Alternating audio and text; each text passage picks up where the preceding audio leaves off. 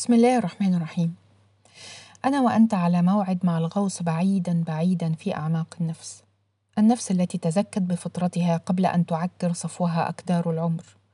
النفس النقية كقماشة القطن الناصعة البياض قبل أن تحيكها يد الحياة. دعنا لا نلتفت إلى الزبد الهائم فوق السطح وننطلق صوب العمق إلى ما يمكث في الأرض فينفع الناس. حين يجول في عقلك أن الجو بارد جدا فهذه خاطرة.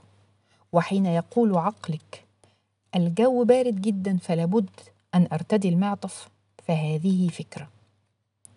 عندما تصطحب أسرتك إلى إجازة خاصة في مكان ما على شاطئ البحر فإن الفكرة التي جالت بعقلك هي التي ستذهب بك إلى ذلك المكان الذي فضلت بينه وبين أماكن أخرى. الفكرة هي التي تجذبك وهي التي تمنعك. وبعد قضاء يوم كامل في هذا المكان أيقنت أن هذا المكان لم يكن مناسبا للذهاب إليه. لا لشيء إلا لأن الفكرة لم تكن مناسبة. أي فعل تفعله وأي حادث تحدثه خير أو شر صواب أم خطأ حكيم أو به بعض الحمق لابد أن تسبقه فكرة. والفكرة تؤدي إلى عاطفة هي الوقود. الذي يشعل الإرادة والعزم والهمة. في النهاية يستجيب جسدك فينفعل ويفعل.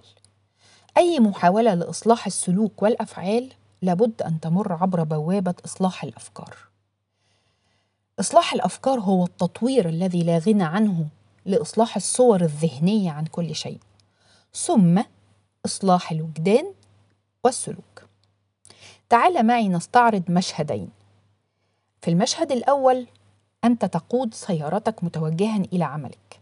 فجأة تتوقف. تفتح الباب لتترجل من سيارتك لتصل إلى عامل القمامه البسيط الذي يحسبه الناس غير محتاج من التعفف.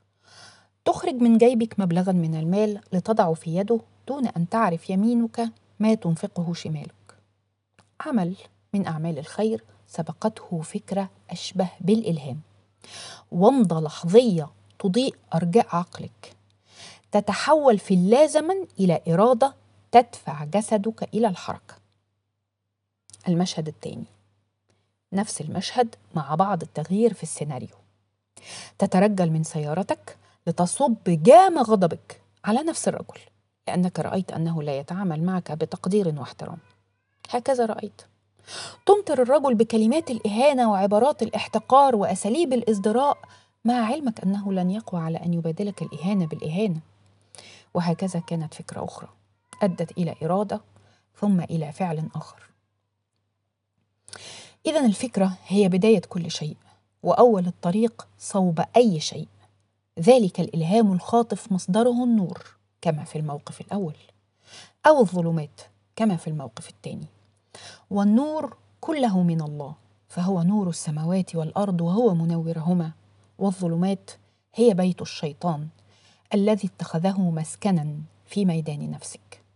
وهما الظلمات والنور نقيدان يسكنان جنبا إلى جنب في رحاب نفسك التي بين, بين جنبيك. فيك النور وفيك الظلمات.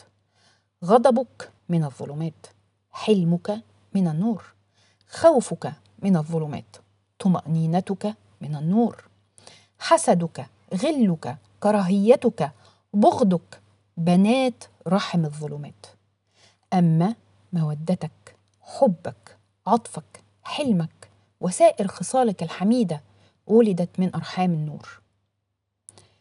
يقول جلال الدين الرومي والنور الذي في العين ليس إلا اثرا من نور القلب.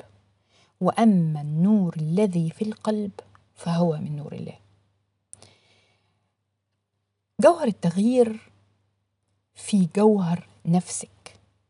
هو تقليص مساحة هذه الظلمات ليحل محلها النور. حين يعم النور ويسيطر على جنبات نفسك ويهيمن على أرجاء روحك ستتلقى المزيد والمزيد من الأنوار في طريق الإنسان الكامل والنفس المطمئنة.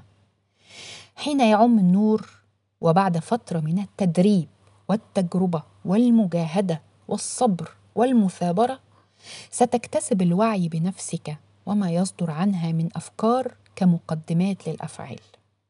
حينئذ يعم النور وستنضج لديك حاسة دقيقة أشبه بأجهزة القياس الحساسة. تستطيع بواسطتها أن تعرف مصدر كل فكرة تصعد إلى عقلك إن كانت من ظلمات نفسك أم من سنى النور فيها.